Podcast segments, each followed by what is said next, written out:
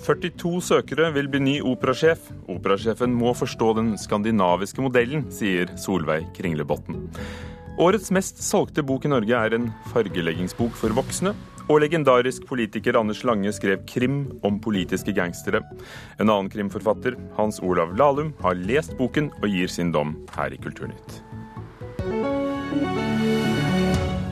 Men først skal vi høre at striden rundt Deichmanske bibliotek i Oslo fortsetter.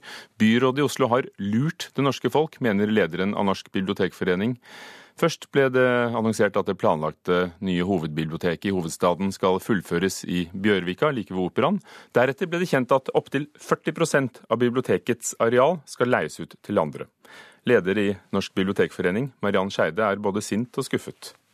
Det er så lite forståelse for hvordan et moderne bibliotek skal drives i dag. Og vi snakker om det nye biblioteket i hovedstaden her. Nå har det vært planlagt i 31 år. Jeg er skuffa over dette her. Det er som å lande med et brak etter onsdagen. En uke har gått siden det var kake og jubel. Da ble det kjent at det nye hovedbiblioteket i Bjørvika blir en realitet. Nå har jubelen stilnet. Byrådet planlegger å leie ut inntil 40% av det nye bygget til andre aktører. Deichmansk bibliotek risikerer ifølge en rapport fra kommunen å miste de to nederste etasjene til butikker, kafé og konferanser. Tanken på å miste første etasje gjør leder av Norsk bibliotekforening, Mariann Skeide, rasende. Jeg har vel ikke hørt om et bibliotek som har vært bygd i den senere tid som ikke har fått hele første etasjen sjøl.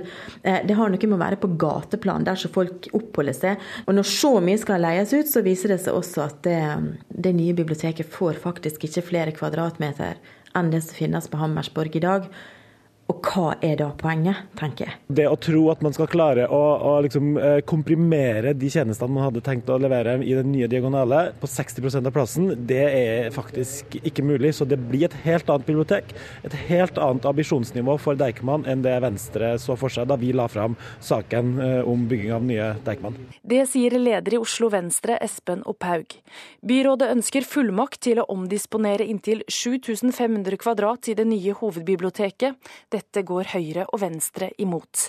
Opphaug mener en eventuell utleie må avgjøres i bystyret. Jeg synes det er veldig oppsiktsvekkende faktisk at byrådet ber om å få gjøre dette på fullmakt. 55 eh, av 59 bystyrerepresentanter har stemt for eh, dette biblioteket i to omganger. Vi har vært enige om rom- og funksjonsprogrammet, eh, og vi har sagt at vi skal ha store ambisjoner for Deichman i Oslo kommune. Det nye hovedbiblioteket skal bli en, et lokomotiv for bibliotektjenestene i Oslo. Jeg synes at dette er såpass drastiske drastiske, eller det kan være såpass drastiske endringer av biblioteket at her må bystyret få lov til å være med på beslutninga. Oslo-byråd for næring og eierskap, Geir Lippestad, sier det er uaktuelt at bystyret skal være med på å bestemme hvilke leietagere som skal inn i Diagonalebygget, men at Deichmanske skal bli tatt med på råd. Vi er veldig avhengig av forsvarlig økonomisk styring, og vi måtte sette oss ned og se på i det hele tatt om dette lot seg gjøre å bygge eh, dette bygget med så store overskridelser allerede. Det, det, vi kom frem til, er at det lar seg gjøre, men da med å bl.a. leie ut noe av byggets arealer til, eh, til eh, virksomheter som naturlig passer inn i et bibliotek. Vi så for oss at monumentalbygg der nye Deichman nå skulle komme inn, for å være et bibliotek som kanskje skulle drives eh, blant dem som var mest på topp i hele Europa. Og det ser jeg vanskelig for meg kan skje nå. Sa Mariann Skeide i Norsk bibliotekforening til reporter Kaja Figenschou.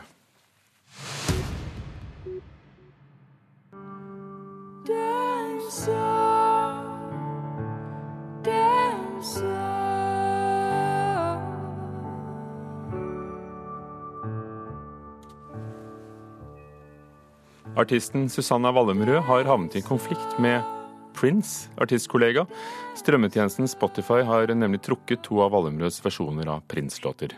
Dance On, den ene vi hørte fra her, eh, og en annen fordi Prince hevder at de er ulovlig innspilt. De er ufrivillig og urettmessig blitt en brikke i kampen mellom Prince og Spotify, sier Wallemrød til Dagens Næringsliv i dag.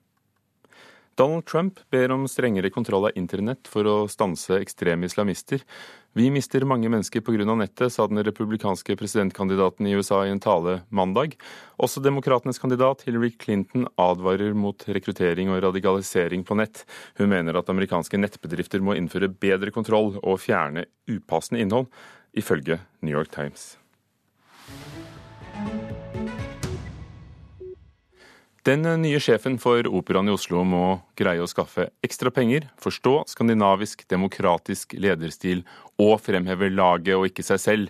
Det mener operasangerne Solveig Kringlebotn og Øystein Wiik etter at listen over de som ønsker å bli ny operasjef ble offentliggjort i går.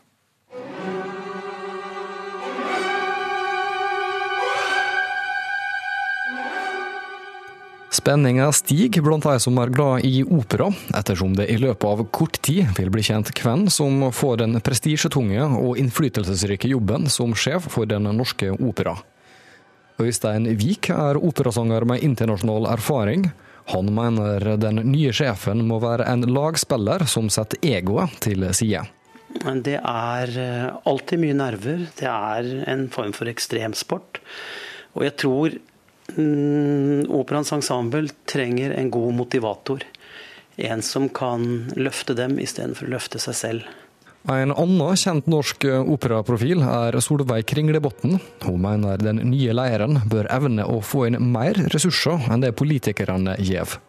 Operaen har slitt med økonomien, bl.a. pga. utgifter til pensjon. Kringlebotn håper den nye sjefen kan fri til sponsorene en mann eller dame som er flink til å generere penger. Som er flink til å skaffe sponsorer og midler utenfor, for det trenger vi. For å kunne produsere god opera, så trenger vi mer enn de bevilgningene vi får fra staten. Det har vært en del saker i media etter at den sittende operasjefen Per Boje Hansen ikke fikk fortsette.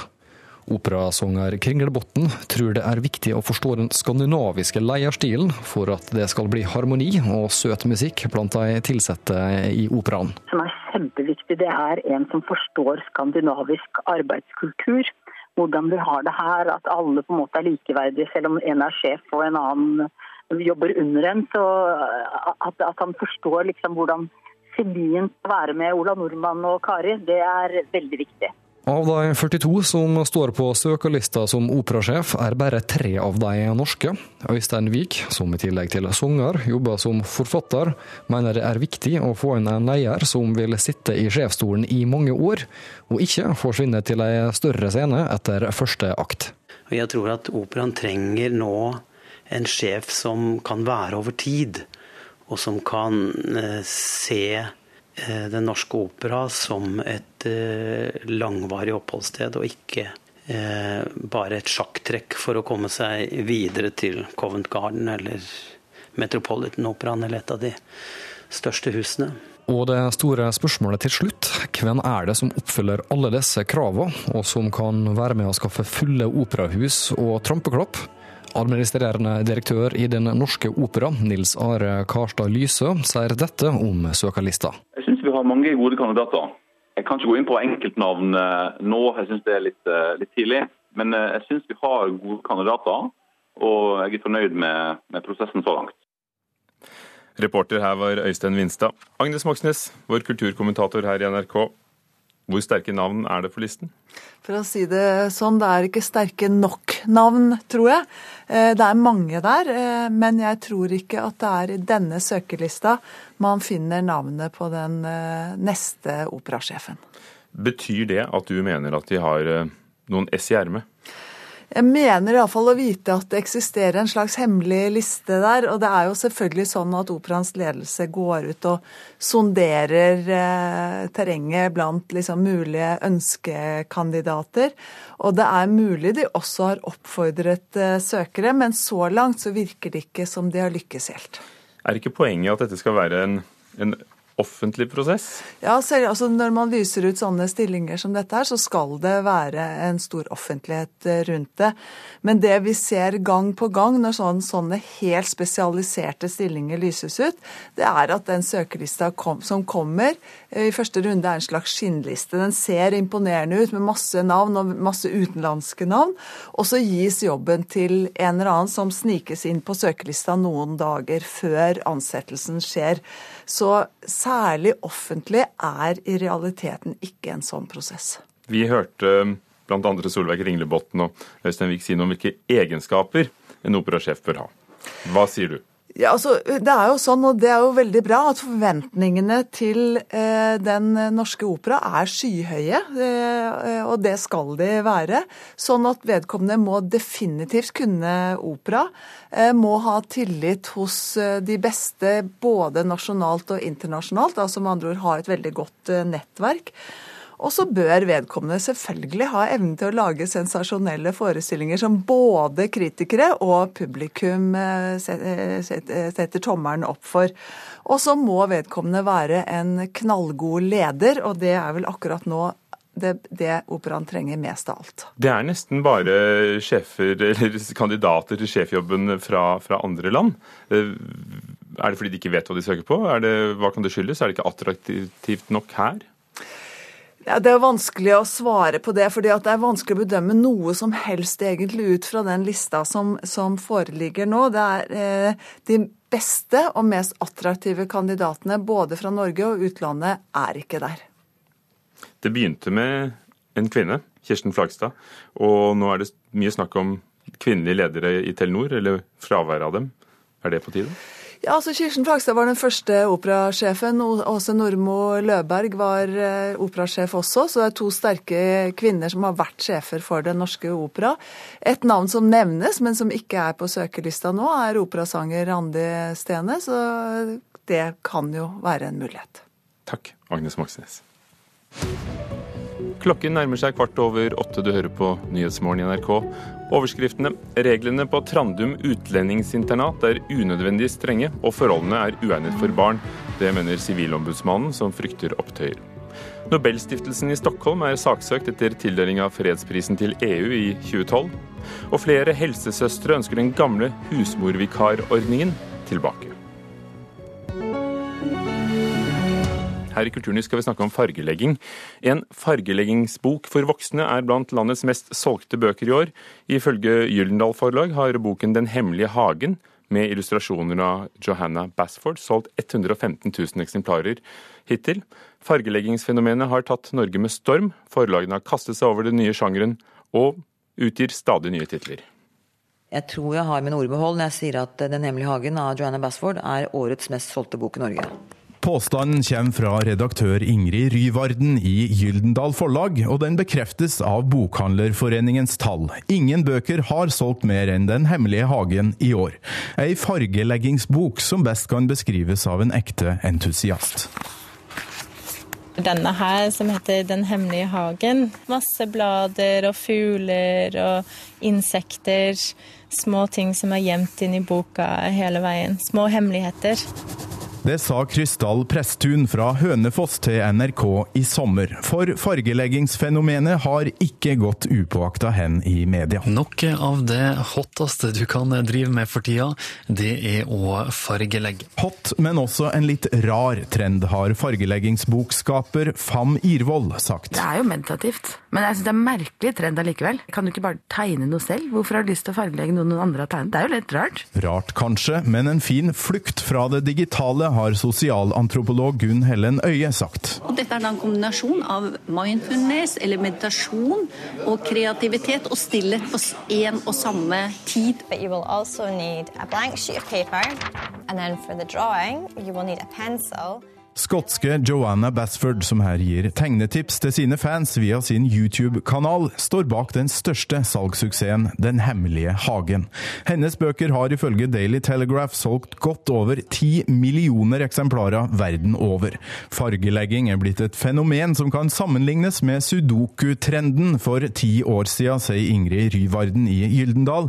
Hun tror nordmenn har kjøpt rundt 600 000 fargeleggingsbøker i år. Og så blir det en sånn trend som alle snakker om, og som alle, veldig mange driver med. Og så blir det stort på sosiale medier, og folk deler bilder. Og så bare vokser det seg til et eh, nasjonalt og internasjonalt fenomen. Vi merka fra en måned til en annen måned så tidobla omsetningen seg. Så bare sånn plutselig. Butikksjef Anette Stenhaug ved Nordli i Oslo sentrum viser fram et stadig voksende mangfold innen fargelegging. Et utvalg som er blitt helt enormt. Vi har kanskje 40-50 forskjellige titler. Denne her er veldig søt, da. Katter. Så mange katteelskere i landet her. Og så har du den som heter Den magiske skogen. På havets bunn. Fantastiske dyr. Magiske byer. Så har du en som er litt mer for gutta også, som heter Tattoo Design. Tatovering og skateboardmotiver, sverd og Game of Thrones-bøker til tross. Fargelegging har ikke tatt helt av blant norske menn enda. Det er ikke noe vits å late som at dette er et eh, fenomen som når begge kjønn. Jeg har ikke noen annen forklaring på det enn at det er en, eh, en litt sånn hjemmesyssel, da, kanskje, som, eh, som, appellerer mer til kvinner enn menn.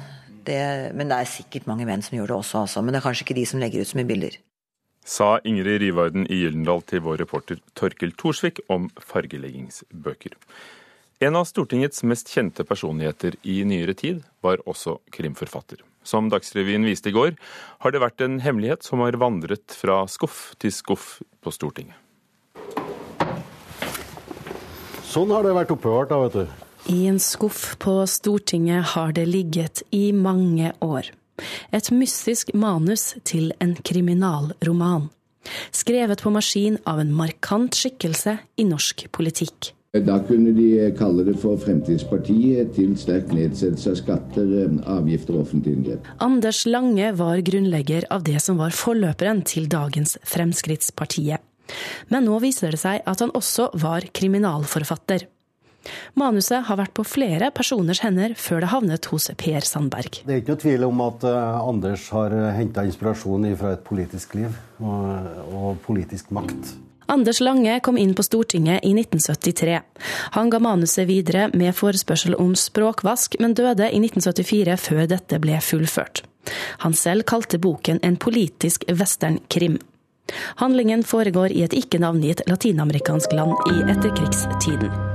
Rundt han lå bøker i stabler, biografier av store politikere. Mest om Lenin og Hitler, men også om Mussolini, Nansen og syd- og nordamerikanske presidenter. Og Her er det jo umiddelbart politisk. Nå har Sandberg gitt manuset til forlaget Juritzen, som ønsker å gi ut boken. En av Anders Langes etterkommere ønsker ikke å la seg intervjue av NRK om manuset. Juritzen forlag sier at etterkommeren er kritisk til at manuset skal gis ut som bok, men de vil gå i dialog om dette sa reporter Eirin Venås Sivertsen. Hans Olav Lahlum, forfatter og historiker, også krimforfatter. Hva synes du? Du står der med en kopi av manuskriptet foran deg. Ja, jeg har lest uh, hele. Uh, det er uh, litt som Sandberg er inne på, det er eh, mye politikk, og jeg syns at det har ganske stor interesse som tidsbilde fra perioden eh, Det må være skrevet på enten andre del av 60-tallet eller helt på begynnelsen av 70-tallet. Det, eh, det, er ganske mye interessant der, som han er inne på. Så er det mye politikk her. Om det ikke er riktig å kalle det en krim, vet jeg ikke helt. Altså, det er en spenningsroman med Han skriver jo at det er en beretning om politiske gangstere og kjærlighetens makt. Og det er jo eh, mye av begge deler, eh, og mye ulikt i det hele tatt, som er eh, blanda sammen, eller sausa sammen, om man vil, til en riktig god, riktig god gammel røverroman, på sett og vis. Tittelen er 'Herre, hold hjertene varme'. Hva spiller den på?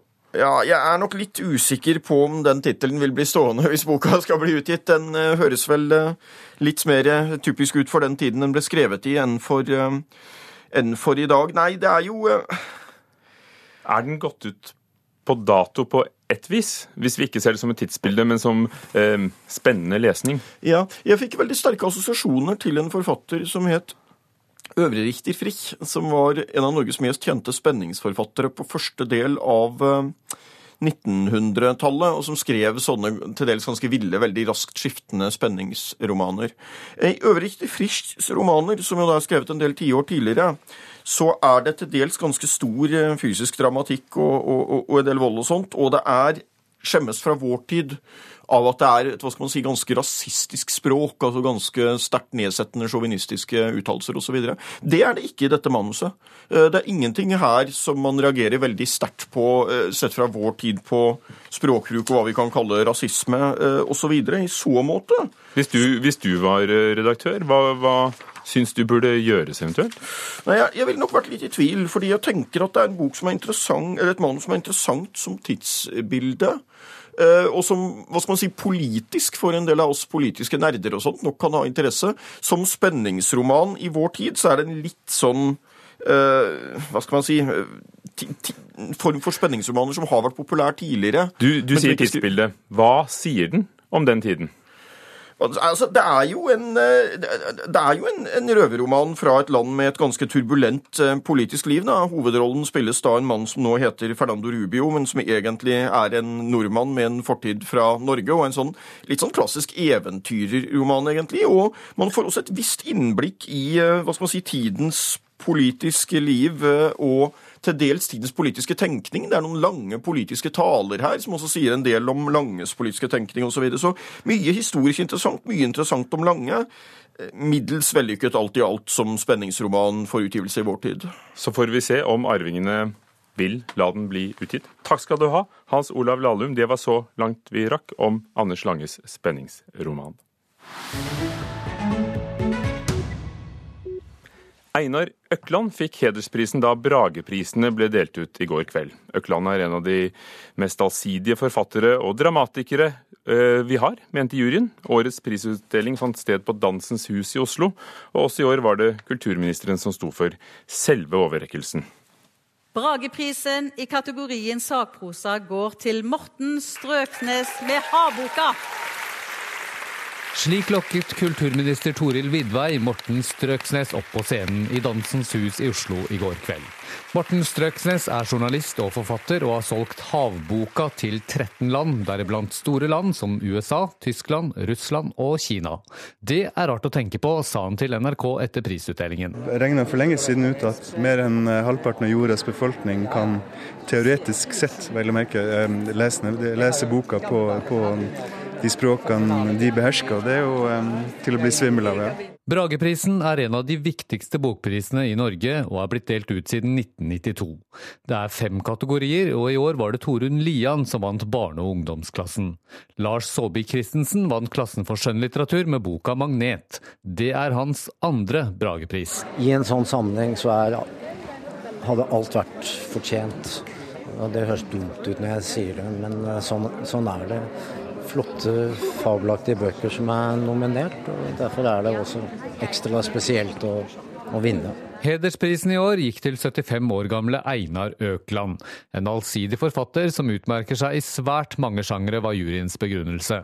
Økland selv syntes hedersprisen var en grei kategori å vinne, i og med at det ikke var andre nominerte som ville gå tapende hjem. Jeg får det for eh, alle mine avvik og ikke for mine superprestasjoner. Det er ingen andre tapere sånn som det var her, at noen nominerte og en som får prisen. og sånt. Så jeg, jeg eh, liker ikke å skape tapere.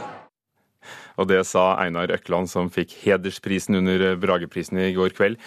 Anne Katrine Straume, litteraturkritiker i NRK. Ble du overrasket over årets utdelinger? Jeg gjorde vel ikke det. Det var, veldig morsomt at, det var veldig morsomt at Einar Økland fikk denne prisen, og den kunne han godt hatt for lenge siden. Han blir jo 75 år nå og har skrevet i over 50 år og gitt ut i hvert fall så mange bøker i så vidt eh, forskjellige sjangre, og vært en litteraturformidler med entusiasme. Så det var en fortjent pris. Og så var det jo eh, oppsiktsvekkende at både en debuterende forfatter eh, var nominert til skjønnlitteraturprisen med en novellesamling, og Lyrikk, det er ikke alltid det skjer? Det er ikke det. og eh, Brage-juryen har fått kritikk tidligere for at man bare har nominert romaner. så Sånn sett så syns jeg det bød på et spenn at du både hadde en novellesamling og en diktsamling som var nominert i skjønnlitterær klasse i år. Selv om det ikke var en overraskelse da at Lars Saabye Christensen, den mest erfarne, og med en stor klassisk roman som inneholder så mye også lyrikk og, og poesi, eh, gikk helt til topps. Magnet, altså. Du har lest eh, spesielt i klassen for barne- og ungdomslitteratur. Torunn Lian fikk Brageprisen for boken 'Reserveprinsesse Andersen' og handler om Alice Andersen. Hva skiller henne fra andre jenter? Eh, Alice er en sjenert jente. Og det som er morsomt, eller som jeg syns er interessant å lese, er at i denne tiden vi har nå, hvor eh, alle skal vise seg frem, vi skal synge, vi skal danse, vi skal legge det ut på sosiale medier, så har vi da lille Alice som gruer seg som en hund til skoleavslutningen. Heldigvis så skal hun bare spille hestens bakben i eventyret om prinsessen som ingen kunne målbinde, så ingen vil se at det er henne. Men samtidig, siden hun da ikke har noen rolle med tekst, så har hun blitt bedt om å lese inn eller innstudere hovedrolleinnehaverens tekst i tilfelle hun skulle bli syk. Og selvfølgelig så går det jo sånn. Den skjønne Helena, som gleder seg til å briljere på scenen, hun blir satt ut av spill, og dermed er det lille, sjenerte og beskjedne Alice som må trå til. Og den er illustrert av Øyvind Thorsæter. Hvordan fungerer eh, tekst og, og, illustrasjon sammen? Veldig fint. og Øyvind Thorsæter han har jo nå fått en rekke priser for illustrasjonene sine. Han vant jo Nordisk råds eh, litteraturpris for barn for et par år siden. Ehm, bare forsiden ser du altså denne lille prinsessen som absolutt ikke vil være prinsesse. Et sårbart barn som samtidig har en sånn øh, ryggmarg der. Hun vet hva hun vil, hun har sin integritet, men hun ville helst vært et helt annet sted enn i flott prinsessekjole og høyhælte sko. Det er en roman om sjenanse men også om vennskap. Var det et godt valg av juryen å gi den til Torunn Lian for reserveprinsesse Andersen? Ja, barnekategorien er en litt vanskelig kategori, for du har, du har, så mye forskjellig. Du kan jo ha helt fra bildebøker til ungdoms, ganske voksne ungdomsromaner. Dette er en barneroman for barn sånn i 10-12-årsalderen. En underholdende og fascinerende bok, så det var absolutt et godt valg, syns jeg. Takk skal du ha, Anne Katrine Straume, vår litteraturkritiker, om Brageprisene som også ble delt ut i går. Og så tar vi med i Kulturnytt at Justin Bieber, kanadisk popstjerne altså, har bestemt seg for å komme tilbake til Norge. Eh, han hadde en skandaleopptreden her for eh, litt siden, da han stormet av scenen eh, etter noe tull med noe vannsøl. Neste år skal han holde en ny konsert 23.9. i Telenor Arena i Bærum. Det er det konsertarrangøren Per Åsmundsvåg som sier til VG nå. Han skal også spille konserter i Helsingfors, Stockholm og København etter Norge. Lisa Stokke har vært produsent for Kulturnytt, Ugo Fermarello programleder. Du hører på Nyhetsmorgen i NRK. Klokken er straks halv ni. Vi fortsetter frem til klokken ni.